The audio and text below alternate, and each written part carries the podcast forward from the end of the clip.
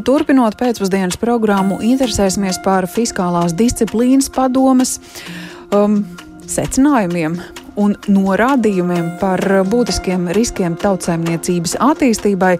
Šādi secinājumi rodas iepazīstoties ar Finanšu ministrijas skatījumu, tā skaitā par 2023. un 2025. gadu.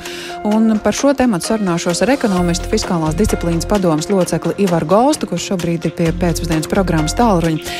Esiet sveicināti! Labvakar! Skatoties nākotnē, kas tad ir tie galvenie riski, kuri nu, šobrīd mums neļauj cerēt, ka nākamais gads sāksies ar jaunu augšup eju un, un tā tas turpināsies, kā, kā šī gada sākumā arī likās, ka viss būs labi, Covid ir aiz, aizvadīts un, un varam skatīties uz nākotni kā uz attīstības laiku. Viss būs labi. Da, savukārt mums ir jāsaprot to, ka vēl nākošo gadu turpināsies turbulences, jeb lielās viļņošanas periods. Ir lietas, ko mēs raugoties uz nākamā gada un aiznākamā gada budžetu vēl nevaram īsti aplēst. Tas ir, kā beigsies kara darbība, kad tā beigsies, kāds uh, liktenis piemeklēs Krieviju, vai tur būs jukas vai nebūs jukas. Savukārt tās lietas, ko mēs varam paredzēt, tas ir enerģijas cena, gan elektroenerģijas, gan gāzes cena mūs nepadara īsti optimistiskus, jo mēs redzam, ka tā būs augsta. Līdzās tam, vai kā sekas tam, mēs varam sagaidīt, ka nākamā gada pirmajā un otrajā ceturksnī notiks ekonomikas sabremzēšanās. Tātad mēs varam ieiet īs, īslaicīgs, cerams, ka īslaicīgs recesijas periodā. Tas nozīmē, ka iekšzemes koprodukts samazināsies. Uh, un tam varētu būt zināmas sekas uh, gan uz ražošanas apjomiem, gan uz patēriņu, gan iespējams arī uz bezdarbu. Taču tas ir tikai nākamā gada skats.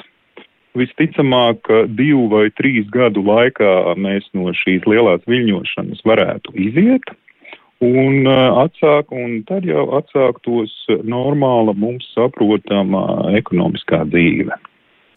Bet, nu, lai pat tas būtu tikai nākamais gads, kā viļņošanās, cilvēkiem tā ir reāla situācija, kurā ir jāspēj nopelnīt pietiekami, lai nu, kaut vai samaksātu rēķinus, kas, kas šobrīd jau daudziem šķiet, šķiet neiespējami, meklējot darba vietu ar lielāku algu. Nu, tā, tā ir tā situācija, kurā šobrīd ir daudz Latvijas iedzīvotāju.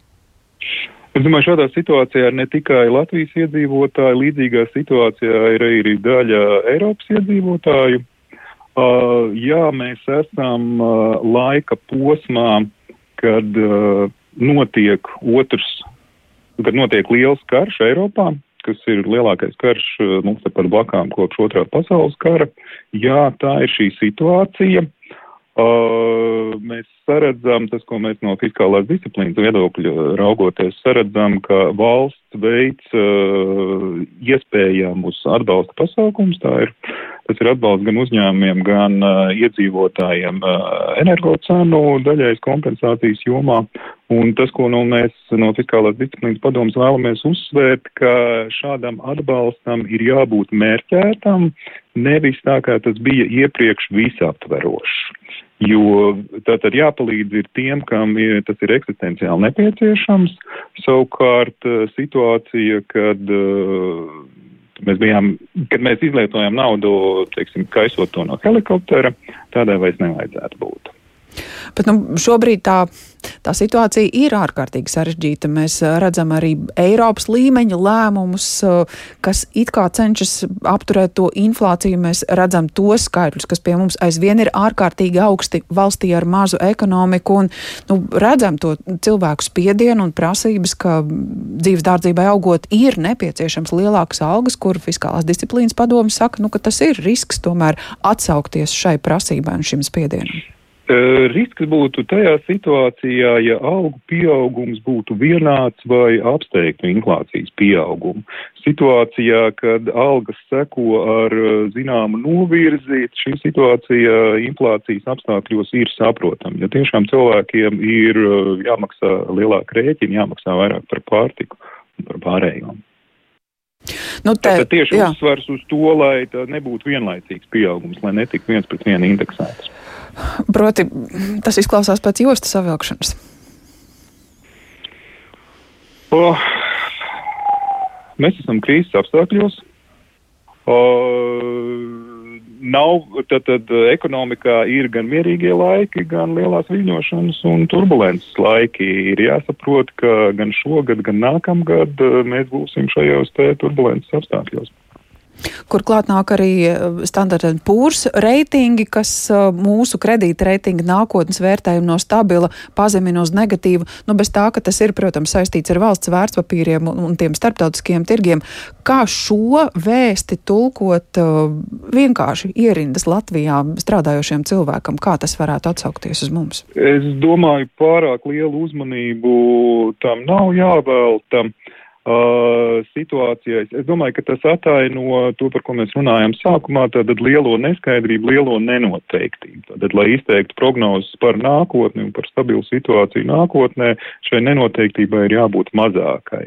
Es domāju, ka pēc būtības uh, valsts ekonomika ir uh, samērā labā stāvoklī, un tad, kad tiks noņemta šī nenoteiktība, mēs arī varēsim atgriezties pie stabilas vai pozitīvas eh, nākotnes prognozes. Tātad, ja valsts ekonomika ir labā stāvoklī, ko tas nozīmē jaunajai valdībai, gatavojot nākamā gada budžetu?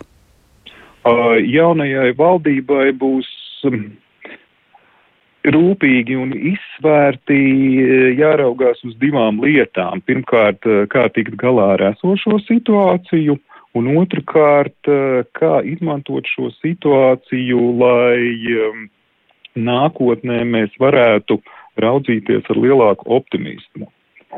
Piemēram, uh, jaunais enerģētikas un klimata ministrs pareizi saliekot politikas akcentus, var panākt, ka Latvija jau pēc gadiem pieciem ir uh, pilnībā spēj sev apgādāt ar elektrību, un pēc gadiem vai 10, 15 mēs jau varam kļūt par stabilu elektroenerģijas eksportētāju valsti. Tas ir piemērs tam, ka jaunā valdībai, jaunai valdībai ir rūpīgi jāskatās uh, uzrunājot situācijas šobrīd un saliekot pareizos akcentus uz nākotnes attīstību. Paldies par šo situācijas skaidrojumu un komentāru, saka ekonomistam Ievaram Galstam. Fiskālās disciplīnas padomas locekli bijām aicinājuši pie pēcpusdienas programmas tālruņu šai pusstundā, interesējoties par tiem riskiem, par ko Fiskālās disciplīnas padome runā, skatoties tautsēmniecības nākotnes attīstībā.